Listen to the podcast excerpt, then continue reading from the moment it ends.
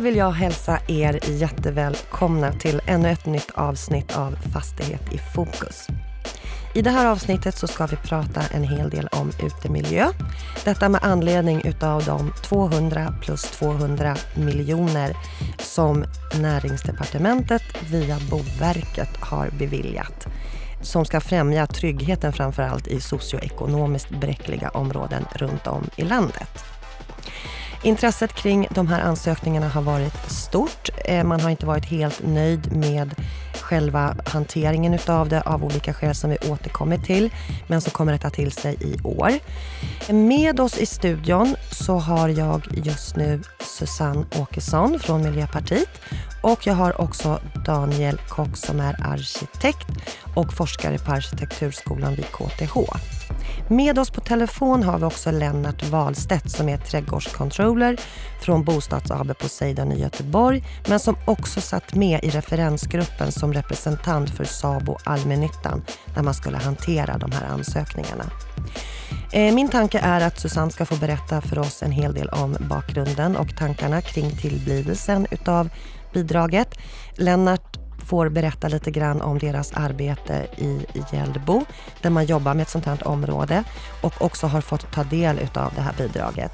Och sen så ska Daniel få prata ganska mycket om att bygga trygghet och vissa stenar man inte får missa och vissa saker man har att förhålla sig till om man ska nå ett lyckat resultat. När vi är klara så kommer jag att välkomna två stycken representanter från tillverkarsidan. Och det är Katja Skåner från Lapset och Stefan Eriksson från Hags Aneby. Men de återkommer vi till. Själv heter jag Therese Söderström och många av er har kanske pratat med mig tidigare i telefonen. Eh, jag jobbar med tidningen Fastighet och bostadsrätt i första hand och Fastighet i fokus som är vår podcast sedan något år tillbaka. Vi kommer också i de två kommande numren utav tidningen kan jag berätta följa upp det här temat ute i miljö. Här kommer vi också att lyfta fram ett antal spännande projekt runt om i landet. Vi kommer presentera olika städer och kommuner som kommer att berätta om på vilket sätt de jobbar för att öka tryggheten i dessa områden. Med detta så vill jag hälsa er hjärtligt välkomna. Och jag tänker att du Susanne ska få börja med att presentera dig lite mer, vad du jobbar med och sen så tar vi en presentation av Daniel innan vi går vidare. Jag är politisk sakkunnig åt eh, bostads och eh, digitaliseringsminister Peter Eriksson. Och jag har jobbat tidigare även med den förra bostadsministern Mehmet Kaplan som kom 2014. Eh, mm. Daniel? Jag jobbar på Arkitekturskolan framförallt just nu som eh, forskare och lärare i vad man skulle kunna sammanfatta som stadsbyggnad, även om det kanske är ett eh, bredare och samtidigt eh, fokuserat område så tillvida att det handlar just om arkitekturaspekter och så på frågan. Mm, mm. Och så har vi Lennart i Göteborg. Ja, jag heter Lennart Wastedt och jag kallas trädgårdscontroller i vår organisation. Då. Och det är eh, jag som på något sätt ska driva utvecklingsfrågorna framåt i, inom utemiljöområdet. Och även avfallshantering ligger på mitt bord. Men idag är det utemiljö vi pratar om. Ja. Du satt också med som representant för allmännyttan i den här referensgruppen. Ja, en av tre representanter var vi egentligen som eh, var från Sabo-företag då. Men vi har ju ett eh, tajt samarbete i, inom Sabo. Just på utemiljösidan har vi ett rätt så kraftfullt nätverk med personer som jobbar med de frågorna som jag gör i de andra företagen. Så vi eh, samarbetar kring de här frågorna rätt mycket. Om vi går tillbaka till dig Susanne lite grann. Kan du berätta lite mer om bakgrunden till det här stödet? Ja, det finns eh, ett eh, ganska så starkt engagemang i, i regeringen för Mm, socioekonomiskt utsatta områden och de människor som, som bor där. Vi vill gärna ha en större delaktighet eh, av den delen av befolkningen som, som eh, många gånger idag känner att de inte har en självklar del i, i eh, det svenska samhället. Eh, och vi ville göra någonting ganska så kraftfullt och ganska så snabbt. Och eh, då eh, satte vi igång ett rätt så stort arbete kring ett stöd av renovering och, och upprustning av de här områdena. Och då eh, i det så såg vi att det kommer ta ganska lång tid att eh, få de här renoveringarna på plats så att säga, eller färdiga. Och eh, vi kände ett behov av någonting som gick lite fortare, någonting som människorna kunde ta del av eh, ganska snart. Och eh, då bestämde vi att en del av det här upprustnings och renoveringsstödet skulle gå till eh, platsen mellan husen, så att säga, inte husen i sig. Jag tror att det finns en väldigt stort engagemang för att eh, vara trygg när man går mellan sin arbetsplats och sin kollektivtrafik och sin bostad. Där behöver människor känna att eh, det finns eh, ett samhälleligt engagemang. Och det var ju det som vi hade möjlighet som bostadsminister att eh, påverka. Och som, om jag har förstått saken rätt så, så de här 200 miljonerna, de togs ur den här potten som man redan hade beslutat om som skulle gå till... Precis, vi ja. hade en miljard till ja, upprustning och energieffektivisering av socioekonomiskt utsatta områden miljonprogramsområden mm. kan man säga i dagligt tal. Mm. Och eh, av dem så bestämde vi att 200 miljoner per år skulle gå till utemiljö. Ja. Jag återkommer till det lite senare för jag har lite egna så tankar och funderingar kring detta. Daniel, utifrån den position du besitter, den kunskap och erfarenhet du har. Det här med att bygga trygghet och utemiljöer.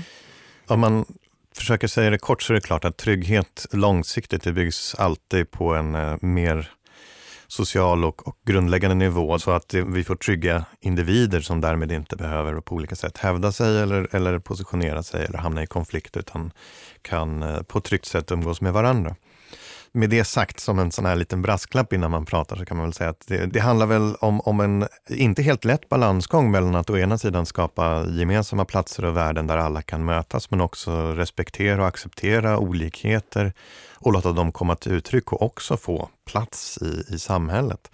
Och jag tror att, att eh, en del i, i, i det här handlar väl om att vi behöver släppa lite på kategorier som just bostaden, utemiljön, arbetet och sådär. Och, och, för att lite säga vad jag menar så är det väl helt enkelt att man bor inte bara i sin bostad, helst, utan man bor i, i hela sin närmiljö, där en del av boendet råkar vara just i bostaden.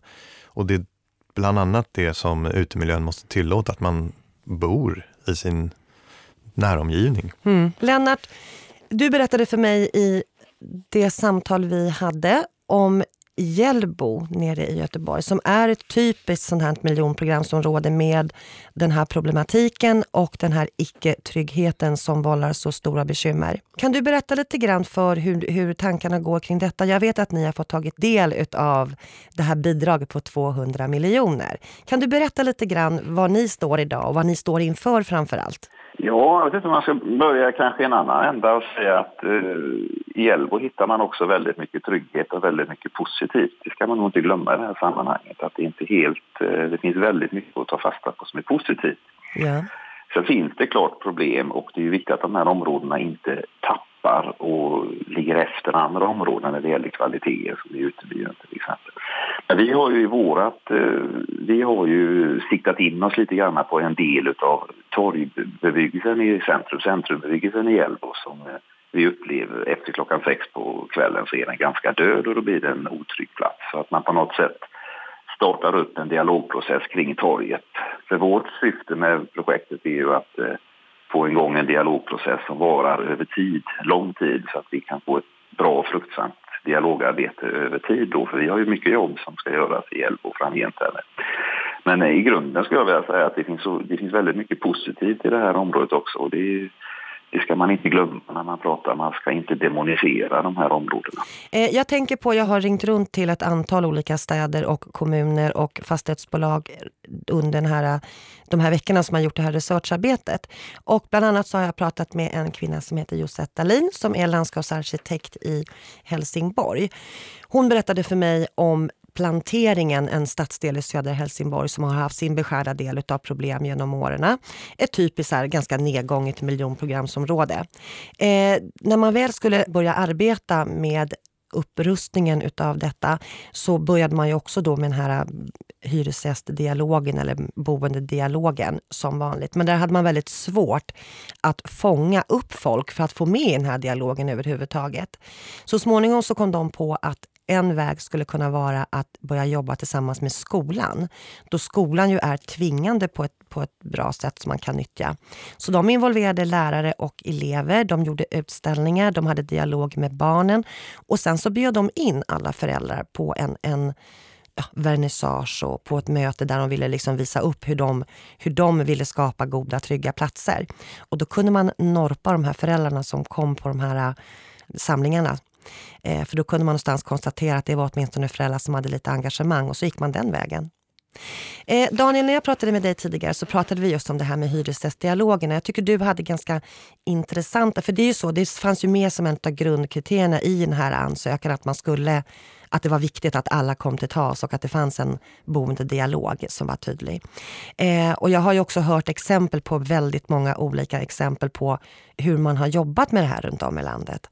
Men du fick mig att förstå att det här är ett fantastiskt verktyg om man vet hur man ska göra, men det vet ju inte riktigt alla. Kan du utveckla det?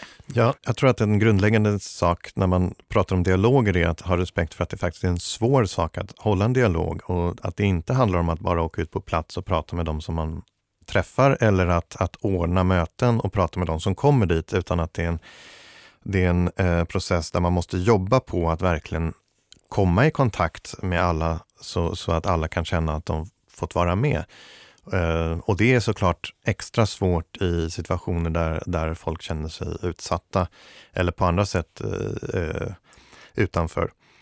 Eh, det riskerar också att bygga konflikter om man inte gör det, därför att det kan bli så att, att de man råkar komma i kontakt med får sin röst hörd väldigt mycket och att då andra känner sig ännu mer förfördelade. Och så så att det, det är ett svårt och utmanande jobb, men om man lyckas med det ett väldigt eh, positivt och bra jobb, därför att utöver det man gör, och kanske mer än det man specifikt kommer fram till att man ska göra sen, så, bör, så kan man lyckas bygga eh, förståelse mellan olika grupper och för olikas, olika personers önskemål och, och förutsättningar som, som långsiktigt sen kan börja bygga en, en förståelse, en diskussion och dialog över, över grupper som annars kanske aldrig hade, hade förstått varandra. Mm. Hur jobbar ni med de här grupperna, Lennart? Ja, jag känner ju att mycket av det eh, som tidigare talare sa var, stämmer väldigt väl överens. Det är jättelätt att kunna bygga in fel saker, man bara tar de som kommer. Man måste fundera lite bakom Eh, Eh, så att man verkligen når dem som inte alltid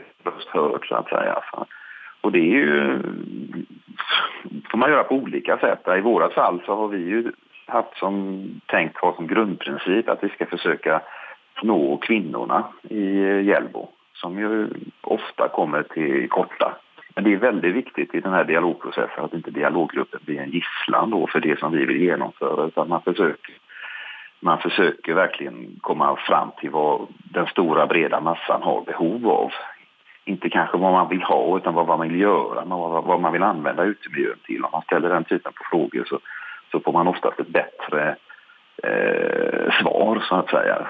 Eh, jag tror att, att en annan sak att tänka på i förlängningen av det här med, med olika grupper så handlar det också om att eh, det här går också att sträcka ut till, till det fysiska rummet och de åtgärder man gör det finns en, en risk eller en tendens i många projekt att, att försöka skapa platsen eller huset eller så vidare där alla de här grupperna ska lösa och alla ska, ska kunna göra det de vill göra.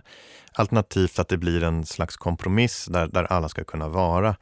Eh, det finns en, en eh, eh, subkulturforskare, J. Patrick Williams, som, som påpekar vikten av subkulturen med att säga att det är här ungdomar lär sig att tänka utanför boxen, eller i alla fall innanför en annan box. Mm. Så att de är nödvändiga för, för vår demokrati, att de finns. Och de behöver också kunna få plats. Jag tror inte att det här nödvändigtvis innebär att man ska bygga enskilda hus för varje liten grupp. Det är inte det det handlar om, utan det handlar om att tänka lite mer i plural. Lite mer, mer i att, att eh, erbjuda platser för aktiviteter i samhällen och, in, eh, och inte allt för mycket rikta in sig på att göra en enskild plats för allting. Vi återkommer till det lite grann, där vi ska titta lite grann på olika åtgärder som man har, har ansökt om pengar för att kunna genomföra. Eh, jag ska bara avsluta det här med dialog, för jag har då som sagt ringt runt en hel del och jag, någonstans kan jag känna att ja, det här är ju ett ord som används väldigt friskt sådär och det känns ju väldigt politiskt korrekt och det känns ju väldigt nödvändigt idag. Men jag har ju också hört olika exempel på när, under mina rundringningar hur man jobbar med det här. På vissa ställen så har man ja, bjudit på pizza tre kvällar sådär varannan vecka under någon månads tid. Eh, och man har försökt att få med sig då ett gäng som man tycker då känns representativt för området. Och där har de då fått skriva ner lite grann vad de vill ha och så har det varit liksom tack och hej med det.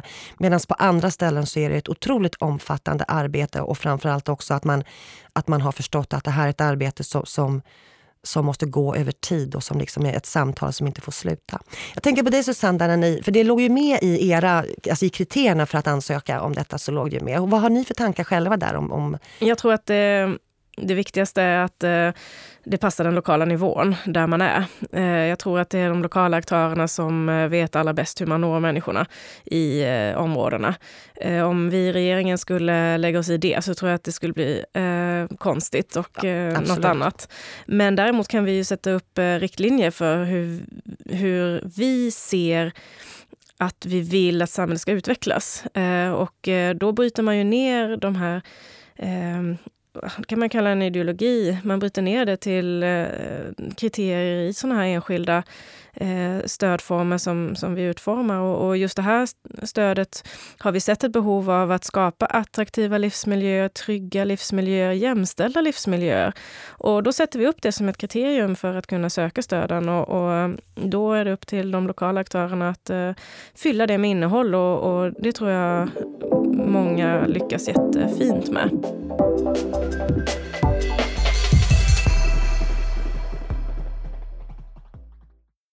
Du Lennart berättade för mig tidigare att ni har valt att jobba på ett lite speciellt sätt för att skapa ett flöde i den process som sker kring utemiljön. Ja, kan jag säga. Vi har ju den platsen eh, som vi har lite grann tänkt skulle vara den som vi utgår ifrån. Så är ju Eh, delar av den ägs ju av eller förvaltas av Park och naturförvaltningen. Så vi har ju haft med oss Park och naturförvaltningen i vår ansökan då som medaktör så att säga.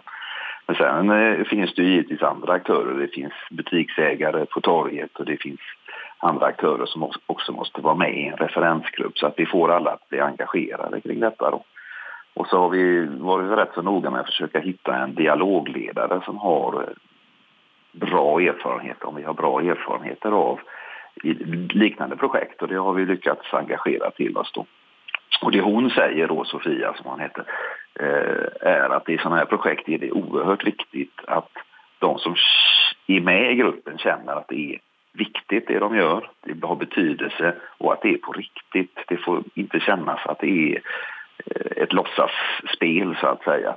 Och när det är på riktigt så får man ju också ta med sådana här, eh, eh, säga, man får ta med sådana saker som förvaltningskostnader och hur ska vi sköta det här som vi kommer fram till efteråt. Är det rimligt att ha den här typen på anläggning? Kommer vi att klara av att förvalta den över tid? Och det, sådana faktorer har vi också med så att vi ska vara så korrekta som möjligt i det sammanhanget. Du pratar om på riktigt Lennart och då tänker jag på någonting vi pratade om du och jag Daniel i vårat samtal också. Där du berättade att det som är det grundläggande kanske mest viktiga det är att få de boende att känna och förstå att de bor och lever i ett område som man verkligen tror på, som är på riktigt. Att man verkligen känner att det här är ett område man satsar och tror på. Kan du utveckla det lite grann? Alltså jag tror att grunden här är att, att eh, det finns en, en, en tro på att, att åtgärder som görs kommer att finnas kvar över tid och att någon tror på området inte som ett område som behöver fixas till utan ett område som det är värt att vara i. Det kan vara poäng att flytta hit eller stanna eller vad det nu är, att leva här. Och det gör att, att parallellt med, med alla möjliga åtgärder som man kan göra så är det viktigt att det finns saker som känns som att de har en långsiktig eh, verkan och att, det, det, att man förbinder sig lite från något håll. Eh, någonting som har slagit mig när, i mina rundringningar och i mitt researcharbete det är ju det att det man har sökt pengar till eh, det, har, det handlar väldigt mycket om, om olika typer av mötesplatser, alla aktivitetsparker och lekparker och lekplatser av olika slag. Eh, någonting som det inte pratas så mycket om, som jag tycker är konstigt, det är det här med belysning. Jag menar så när man är ute och rör sig mörkt på kvällen så tycker jag att belysning känns som lite grann A och O för att komma till rätta och för att få mig att känna mig trygg när jag går igenom olika områden. Sådär. Och där man också medvetet väljer att inte gå över en mörk gård utan då går man hellre lite längre för att få gå där det är upplyst. Och sådär. Någonting som vi också har pratat om är ju det att som det ser ut idag i, runt om i landet så finns det ju en benägenhet att slå igen och stänga de här mindre lekparkerna som många av oss är uppväxta i. Istället så satsar man allt på att anlägga stora ytor där man kan erbjuda alla i alla åldrar någonting att göra. Någonting som kommer starkt också är utomhusgym och annat för de äldre, för seniorerna faktiskt. Hur jobbar ni med det här inom Poseidon? Har ni, ja, ni gör samma, ni slår igen de mindre lekparkerna till förmån för de här större platserna, eller? Nej, så gör vi inte. Och nu bubblar det i mig här. Du har mycket, sagt mycket saker nu som är intressant att bemöta. Och det är kanske, om man tar det första med belysning så är det en ingrediens som alltid måste vara med. Så att man inte har något speciellt belysningsprojekt kan ju bero på att man faktiskt har tänkt med belysningen i hela projektet. Då. Och där kan man ju säga när det gäller lekparker att där kan ju Park och naturförvaltningen och vi komplettera varandra. För att vi kan ju förstärka och har förstärkt lekplatserna på gårdarna i Hjällbo. Det har vi gjort under en följd av år. Så vi har lagt ner mycket mer pengar än det vi får bidrag för varje år. Och där skulle jag vilja säga att vi kanske har Poseidons bästa lekplatser idag. Ni är måna om i Göteborgsområdet, där eller inom Poseidon i alla fall, att behålla de här mindre lekparkerna som inte är så ultramoderna. Du pratade Daniel, när vi talades vid tidigare, just om en fara i att lägga igen de här mindre och satsa på stora.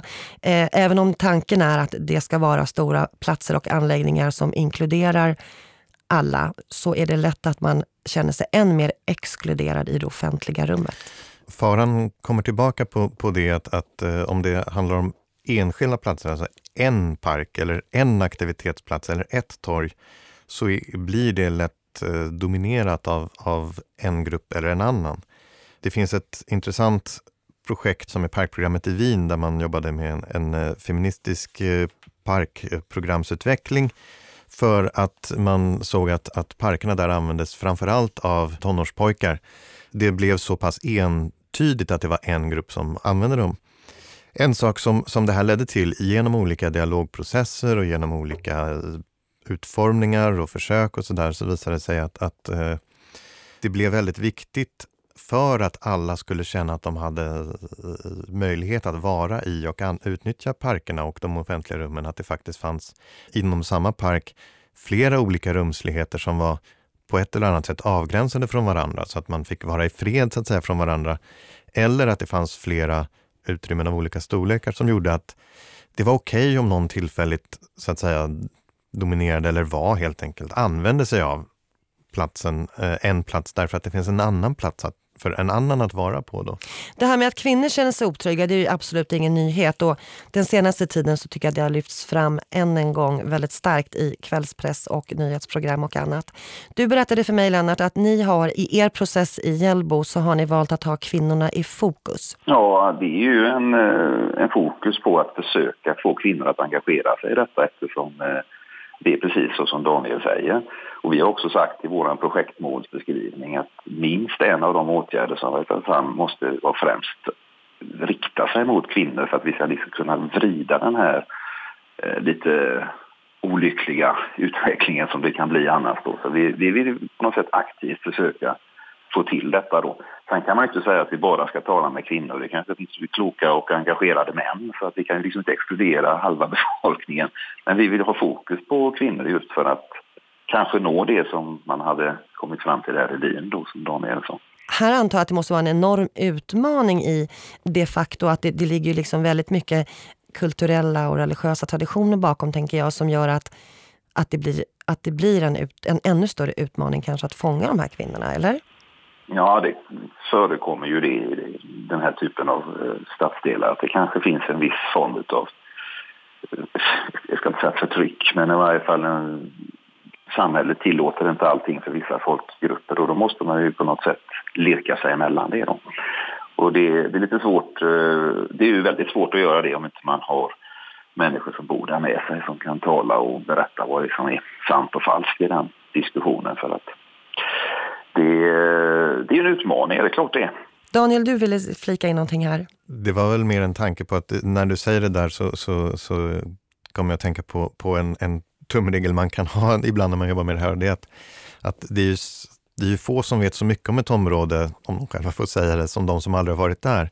Och det är en väldigt viktig utmaning att jobba med, att, att just förstå områdena som du säger och också förstå vad de här föreställningarna som, som också upplevs av de som bor där och, och vad som mest är någonting som vi utifrån ser, därför att vi måste ändå också förstå att, att eh, man lever liv på olika sätt och det är inte självklart att, att bara för att det inte syns på det sätt och på de platser som vi är vana vid så sker det inte eller att, att eh, därför så, så, så finns det problem. För, för det finns många sätt att leva i en stad och, och eh, vi har alla olika erfarenheter och alla olika sätt att leva på, så vi får inte liksom rulla ut bara vårat sätt att leva och förvänta oss att om det inte ser ut så, då är det ett problem. Nej, såklart inte. Det får inte bli en, en gängse norm på det sättet.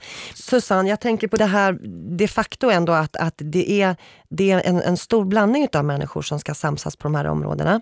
Så tänker jag att det är ju en mangrann uppgift att på något sätt lösa och komma till rätta med, och det kommer ju inte någonsin att ske, det inser jag också, men ändå att någonstans så, det kan ju inte vara möjligt att man, att man genom det här bidraget till utemiljön, att man någonstans liksom skjutsar över en stor del av ansvaret ändå på fastighetsägaren, utan det måste väl ändå komma från fler håll? Den här eh, varianten som vi gör, att vi eh, ger pengar ganska förutsättningslöst eh, och låter den lokala nivån göra det som, som eh, funkar bäst där. Det tror jag ändå är ett sätt att ehm, göra eh, möjligheterna för delaktighet och, och, och få lite tryggare livsmiljö för människor som inte alltid upplever att de har det idag. Eh, jag tror faktiskt att har man trygghetsmätningar som visar en, en riktning så tycker jag att man har ett statligt ansvar också att, eh, att ge sig in och, och, och försöka eh, göra det så bra som möjligt för, för alla människor. Och då ska man nog börja där eh, behovet är som störst. Jag har själv eh, bott i ett sånt här program eh, när mina barn var små. Eh, och jag kan inte låta bli att tänka på Carlos Rojas som brukar ha seminarium om just miljonprogrammet och sina egna erfarenheter. Eh, och det var en helt fantastisk miljö för barn att växa upp uppe. Det var helt otroligt. Det var, helt, det var jättehärligt. Så det finns ju ändå väldigt, alltså förutsättningar. Daniel, du ville säga någonting avslutningsvis. Vi ska försöka avrunda det här lite grann. Jag tror att, att det är värt kanske att återkomma till att, att det finns en långsiktighet och att det inte blir enskilda små, små eh, insatser som försvinner sen. Men jag tror i sammanhanget också, när vi säger det, så är det viktigt att vi bor inte bara i bostaden, vi bor i vår närmiljö. Men det, det, vi, vi kan ta ett steg till och säga, det är inte heller så att vi bara bor i vår närmiljö, utan vi bor faktiskt i ett ännu större sammanhang. Vi har kompisar som inte bor i vårt bostadsområde. Vi har eh, vänner och bekanta som inte gör det. Vi har arbetsplatser som inte ligger där. Vi kanske går i skolan någon annanstans.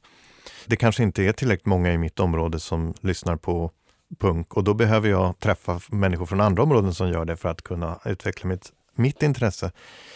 Det jag tänkte komma till här är, är, att om vi tänker oss inte bara att det här handlar om att, att försöka nå, nå ut över tid så kan man också tänka sig att om vi pratar om utemiljön och boendemiljön så sträcker den sig också fysiskt ut längre. Och där finns ytterligare en utmaning att se till att det inte bara är uteplatserna så att säga, i ett område som fungerar utan att det finns uteplatser som gör det lätt att just ha de här förbindelserna mellan områden och därmed tillsammans mellan områden erbjuda sånt som kanske enskilda områden inte i sig kan göra.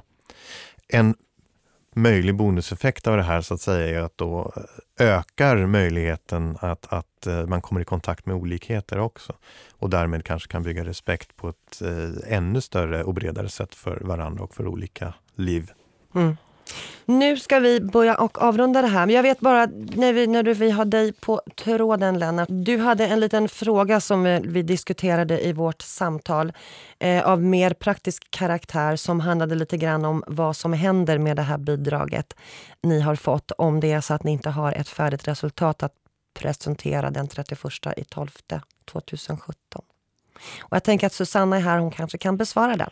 Jag, jag kanske kan få förklara hur vi tänker då också för att eh, vi säger så här, om man ska ta en dialogprocess på allvar och dialogprocessen visar sig behöva förlängas i någon mån. Vi har en ambition att till Hjällbodagen 23 maj kunna presentera någonting som folk ska kunna få ta del av. Och så ska det bearbetas lite till och så ska vi i höst göra de åtgärderna. Och vi har ju också bestämt att 90 procent av hela bidraget och det som vi själva skjuter till ska gå till saker som märks i Hjällbo så att inte allting administreras bort. Då. Men det är ju, det är ju väldigt viktigt att eh, om då dialogprocessen behöver mer tid och vi på så sätt förskjuter själva byggprocessen om man säger så och vi inte skulle bli klara innan eh, årsskiftet, vad händer med pengarna då? Fryser de inne eller, eller kan man tänka sig att man får göra färdigt projektet även om det blir färdigt mars 2018? Det var min fråga. Vi har ju en förnyad diskussion kring eh, alla våra budgetsatsningar varje år eh, och eh, vi har ju sett att det här stödet är väldigt populärt. Det är fler som söker än vad som kan betalas ut och det är ju jätte jättekul.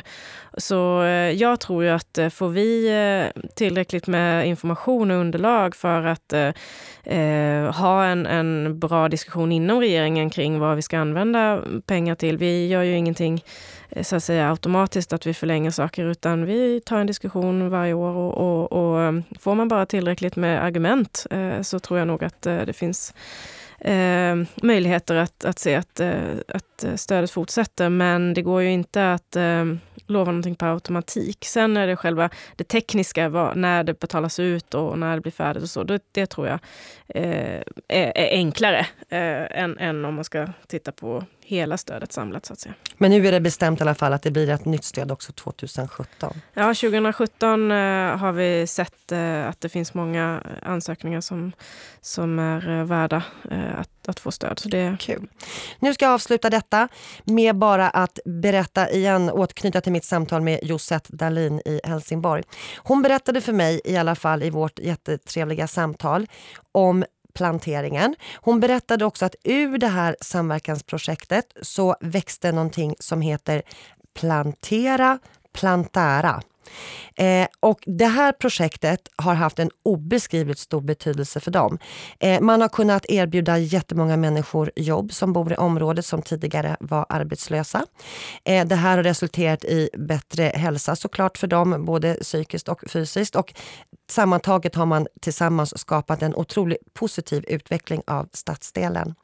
Eh, det var mycket diskussioner innan man drog igång och byggde en stor allaktivitetspark där nere där många olika tillverkare och leverantörer fanns med på plats.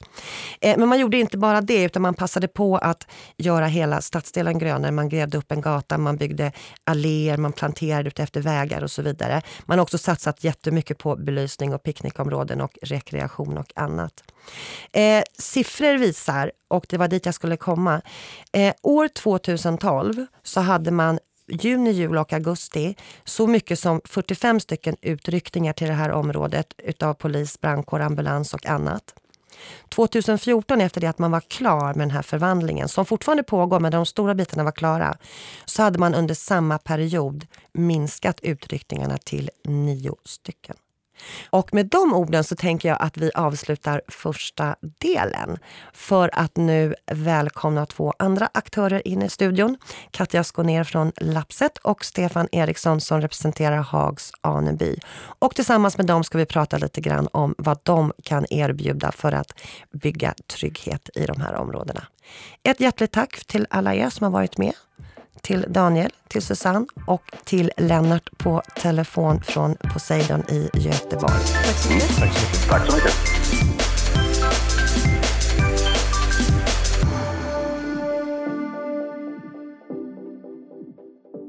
Då är det dags att prata lite mer om utemiljöer utifrån ett annat perspektiv, inte fullt lika politiskt kanske. Jag sitter här nu med Katja Skånér från Lapset och med Stefan Eriksson som representerar Hags Aneby. Jag vill börja med dig Katja. Du ska få presentera dig lite mer i detalj och vad Lapset står för och vad ni jobbar med. Tack. Då heter jag Katja Skånér och är försäljningschef på Lapset. Och Lapset är då ett företag som sysslar med lekutrustning, parkutrustning och sportutrustning för utemiljöer. Stefan Hags Aneby, presentera dig och vad ni står för. Ja, hej. Jag heter Stefan Eriksson och eh, jobbar på Hags Aneby idag, som ligger i Småland. Eh, vi har funnits nästa år i 70 år, så att vi har funnits ganska länge i Sverige. Vi säljer också lek och parkutrustning, multisportarenor. Allt för utemiljö egentligen kan man säga. Vi pratade, Katta, du och jag, om de här pengarna som nu har delats ut i bidrag, som ju låter väldigt mycket med 200 miljoner, men börjar man, man dela upp dem på alla ansökningar så inser man ju någonstans att det blir inte så där skitmycket till, till var och en och de investeringar man gör. Framförallt när det gäller den utrustning som ni bägge säljer och representerar, så är det ju pengar som ganska så snabbt går åt. Självklart tycker vi att det här är ett eh, bra initiativ. Eh, och sen om det löser eh, alla de problem som, som finns i sådana här socialekonomiskt utsatta områden. Eh, det tror jag kanske inte att de gör, men, men att det är ett gott försök. Och precis som ni har varit inne på i tidigare diskussion så finns det ju exempel på där man då även utan de här medlen har, har lyckats åstadkomma förändring, som i planteringen i Helsingborg, där vi var delaktiga att bygga eh, tillsammans med andra leverantörer den här eh, stora eh, aktivitetsplatsen eh, centralt i området och där man då har sett att eh, antalet utryckningar då har minskat och eh, tryggheten eh, har, har stärkts. Stefan, hur tänker ni kring detta? Det är jättebra.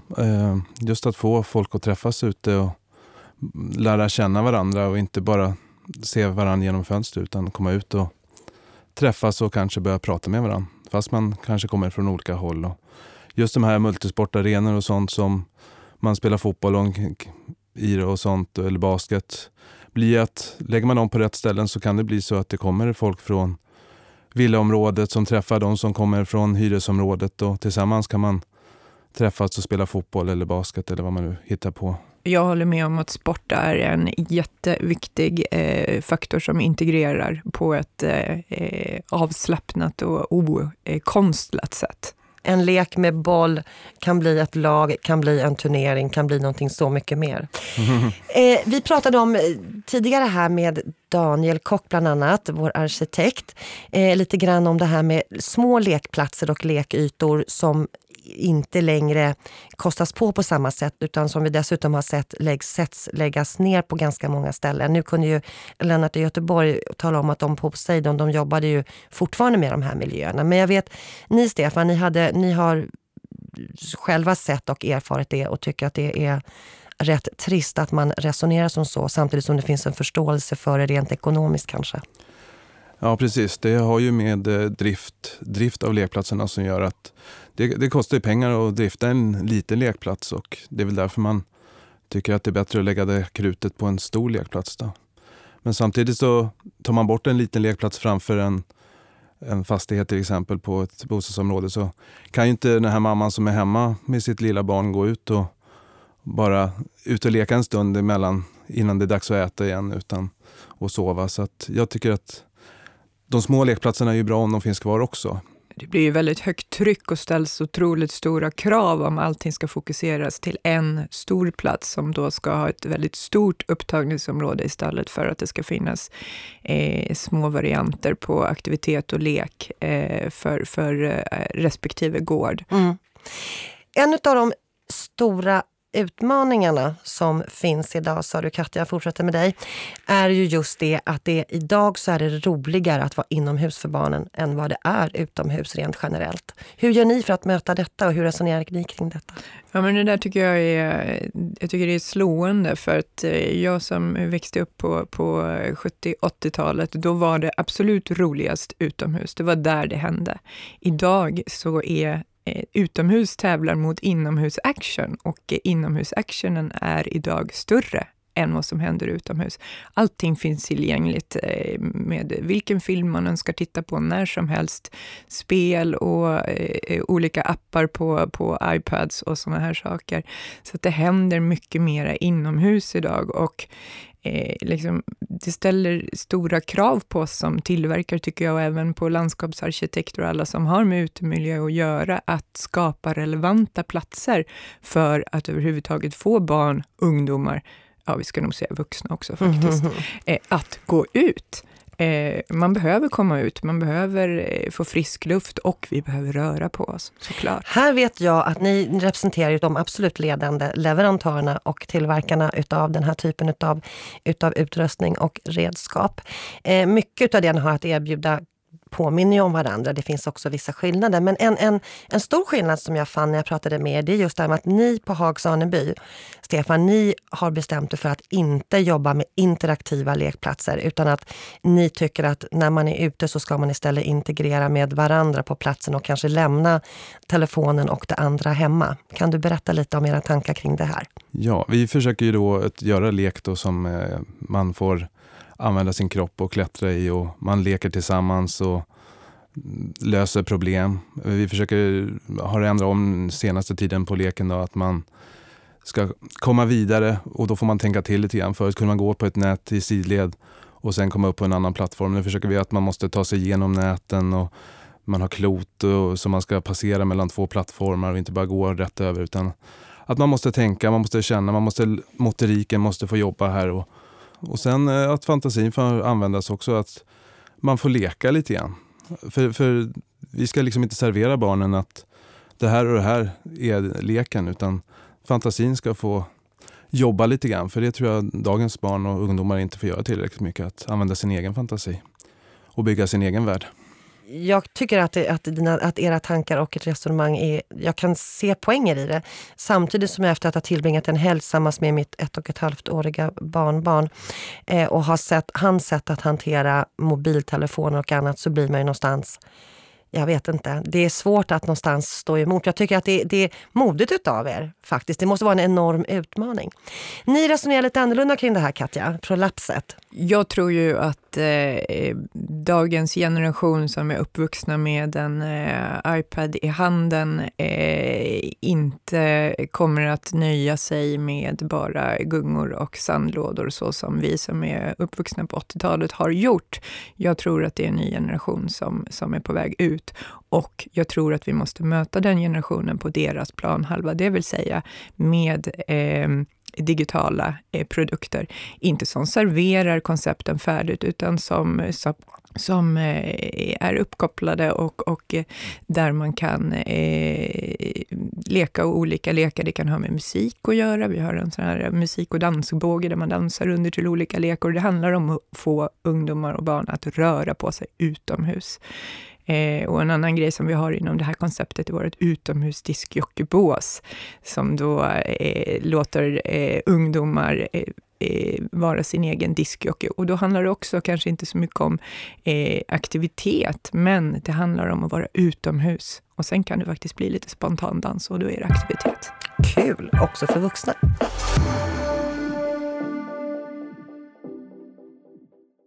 Stefan, på Hags Aneby så har ni noterat när ni är ute och träffar kunder och potentiella kunder just att det skiljer ganska mycket från plats till annan vad man besitter för egen kunskap egentligen. Att på många ställen så behöver man ett, ett ökat stöd.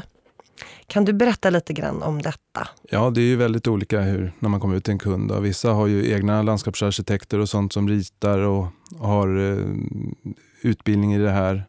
Eh, andra har ju ingenting där får man hjälpa till. Man får hjälpa till även när man landskaps, landskapsarkitekter för att man kan inte alltid det här med leksäkerhet och sånt. Och där är vi duktiga på. Så att vi ritar ju även lekplatser till kunden om de vill ha det så att man får ett färdigt förslag. Så kan man få kostnadsfritt förslag på hur man kan utforma platsen. Då.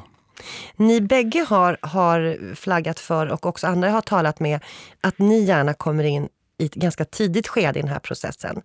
Eh, att ni har ett stort ansvar eh, och också att ni besitter väldigt mycket kunskap och erfarenhet såklart, efter att ha jobbat med det här ute på fältet i väldigt många år. Eh, och då tänker jag på såna här saker som, som man kanske inte tänker på, det här med att hur de är placerade i, i förhållande till varandra. Du berättade för mig Katja om Eriksberg i Uppsala, bland annat där man hade tänkt lite mera järvt när man skulle jobba med det för ett antal år sedan.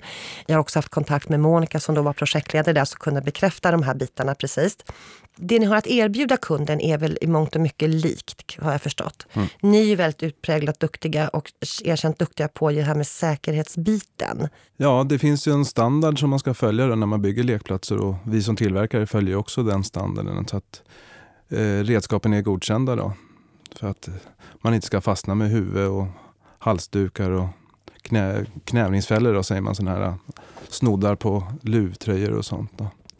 Och även eh, områden runt om själva lekutrustningen ska ju ha sin egen yta. Då.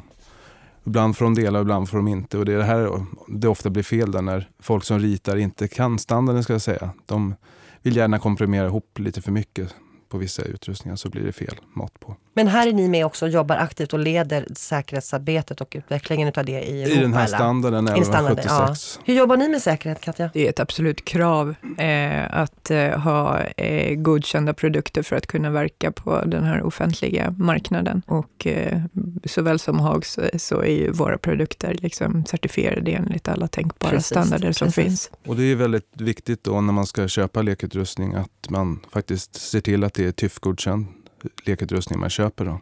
Mm. Så att den är godkänd av tredje part. Om man nu skulle hitta då någonting, en utrustning man vill ha, kanske till en annan peng mot vad motsvarande skulle kosta hos ett mer etablerat företag eh, som inte är tyffad.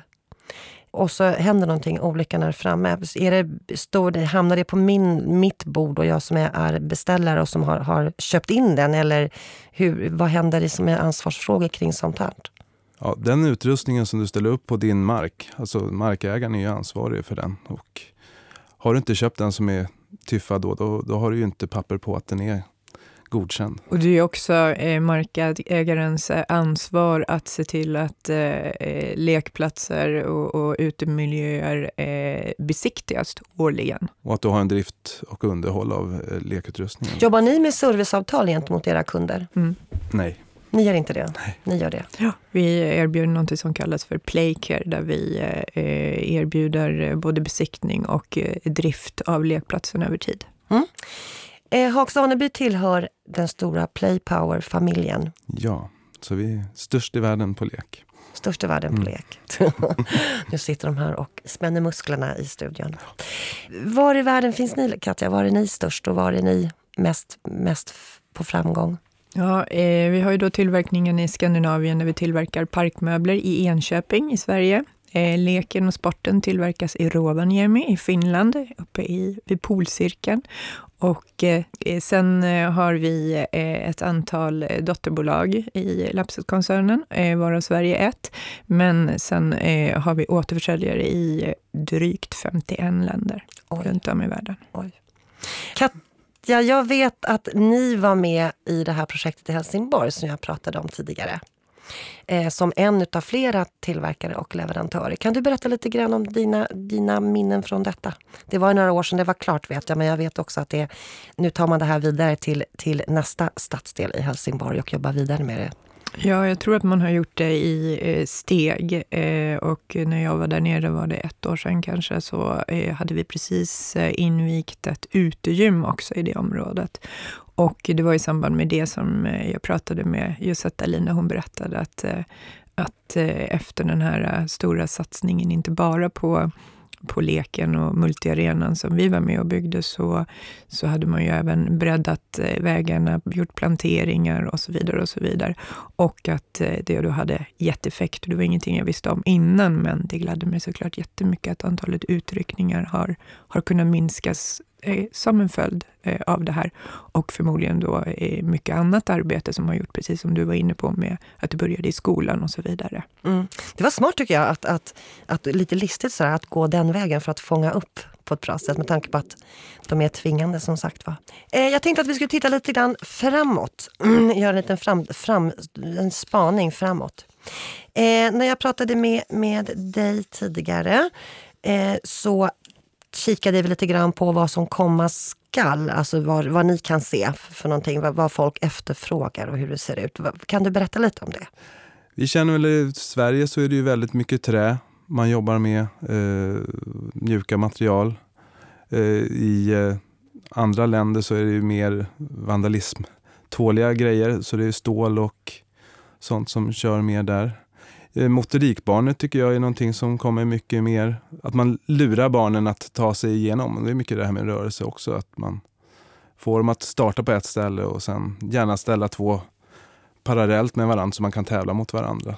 Katja, om du ska spana, på, spana in i framtiden lite grann, vad kan du se för någonting då? Vad ser du för utmaningar för er del och för möjligheter? Jag tror ju att eh, det här med eh, aktivitet och rörelse, det behöver vi allihopa om man ser till att eh, konditionen hos barn är sämre idag än den var tidigare för bara fem år sedan. Eh, och att diabetes ökar bland unga och vi blir allt fetare. Så vi behöver röra på oss eh, och eh, det här märks ju i, i eh, försäljningen av eh, utomhusgym och precis som Stefan är inne på med motorikbanor och hinderbanor och sådana saker.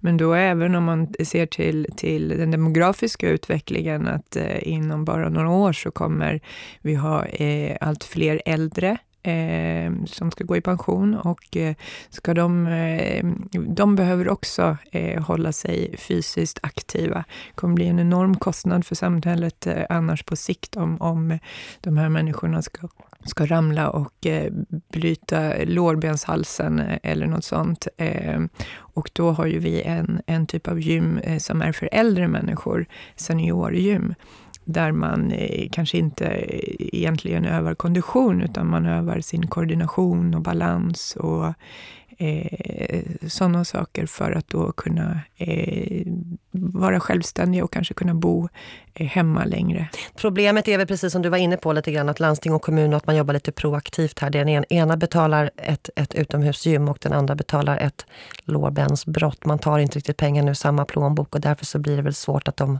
går hand i hand. Det, vi har ju inte den här framför, eller det är ju inte den här proaktiva, eh, man jobbar inte proaktivt med det här i Sverige. Nej, precis. Eh, vi brukar säga det att det är landstinget som lagar lårbensbrottet, men det är kommunerna som investerar i utrustningen. Men ser man då till Spanien till exempel, eh, Lapset Spanien har i Girona, där, där finns det inte eh, något landsting, eller den här uppdelningen mellan landsting och kommun som det finns i Sverige. Så där kan man då på ett annat annat sätt jobba proaktivt med att eh, eh, få äldre människor att eh, vara fysiskt aktiva och har då satt upp eh, 30 stycken sådana här seniorgym eh, i, i den här delen av, av Spanien för att kunna eh, motverka eh, stillasittande och att hålla pensionärer och äldre människor eh, igång, fysiskt aktiva. Kul. Med de orden så ber jag om att få avrunda detta. Ut och lek mer och rör på er. Tack så mycket Katja. Tack så mycket Stefan. Vi hörs snart igen.